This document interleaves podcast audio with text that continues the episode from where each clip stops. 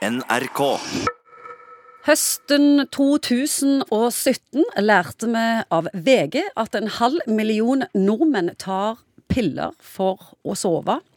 Vi har stelt oss sånn at søvnmangel er et av Norges største helseproblem. Og Morten Munkvik, hvor ofte er du borti dette, Ganske ofte. og hva gjør du da?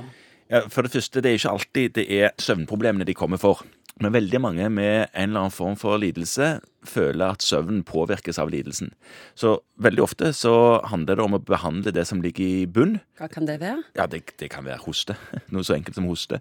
Belastninger i livet, altså psykiske belastninger. Det kan være angst og depresjonslidelser, den typen ting som gir for lite søvn.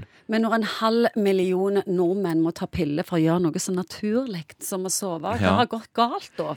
De tallene der, for å kommentere det først, da, det er ikke bare sånne skumle avhengighetsskapende sovemidler som er i de tallene der. Det er alle sovemedisiner, sant? og de snille, for å kalle det det. Men uansett, det er mange, 10-15, kanskje 20% som trenger hjelp for å gjøre noe så naturlig som du sier, som å sove. Nå skal du lære oss om søvn, for det fins mange søvnlidelser. Ja, det finnes mange søvnlidelser.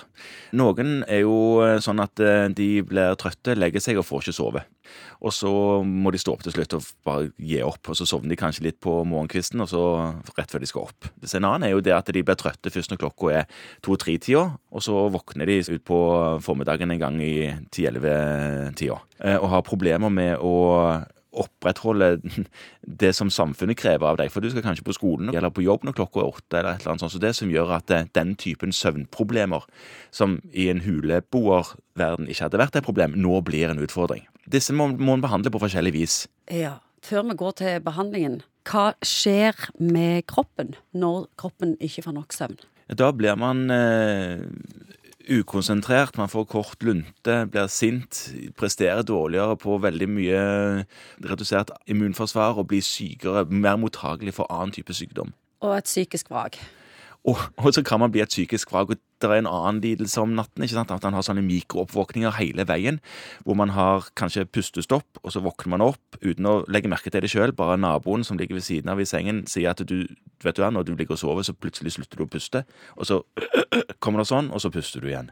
Og det skjer kanskje 40 ganger i løpet av natta hvis du ligger og hører etter. Det er en sånn apné-lidelse. Sover for så vidt godt nok, men det er et eller annet i luftveiene som klapper igjen inni mudla, og da våkner du opp føler ikke at du har sovet en tøddel, er som du sier et psykisk vrak, får i tillegg dårlig tannstatus fordi at du blir så tørr i kjeften at du har ikke noe væske der, noe, noe spytt der som ivaretar tennene. Og de krever en annen type behandling igjen, ikke sant? Hvordan behandler du folk som ikke får sove? For jeg vet dere liker ikke sovetabletter. Nei, vi prøver jo å ikke legge stein til byrden til folk og gjøre de avhengig. Men er det ikke bedre å være avhengig av sovetabletter enn å ikke få sove? Jo, det kan du si, men sovetabletter har en eh, tendens til å påvirke deg òg ellers, selv om du kanskje ikke føler det. Sånn at de som tar sovemedisiner og kanskje trenger annen medisin i tillegg, kan plutselig få problemer med å få lov til å kjøre bil. Og så trenger du mer og mer. Må ha mer for samme effekten. Blir det tatt nok på alvor av helsevesenet med tanke på de alvorlige konsekvensene søvnmangel gir? Jeg, jeg tror egentlig eh, det. Det som kanskje det skorter litt på, det er gode strategier på å få hjelpe folk med disse søvnproblemene. Mer før enn det er nå. Nå er en veldig klar over sånne søvnhygieniske tiltak, sånne selvsagte ting. Ikke spise store måltider før du legger deg, ikke drikke veldig mye rett før du skal legge deg, ikke holde på med skjerm rett før du skal legge deg. Den typen ting.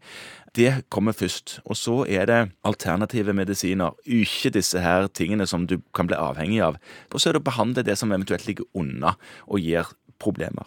Og så har du døgnrytmestabiliserende medisiner og lysbehandling. På den måten kan en prøve å justere døgnet.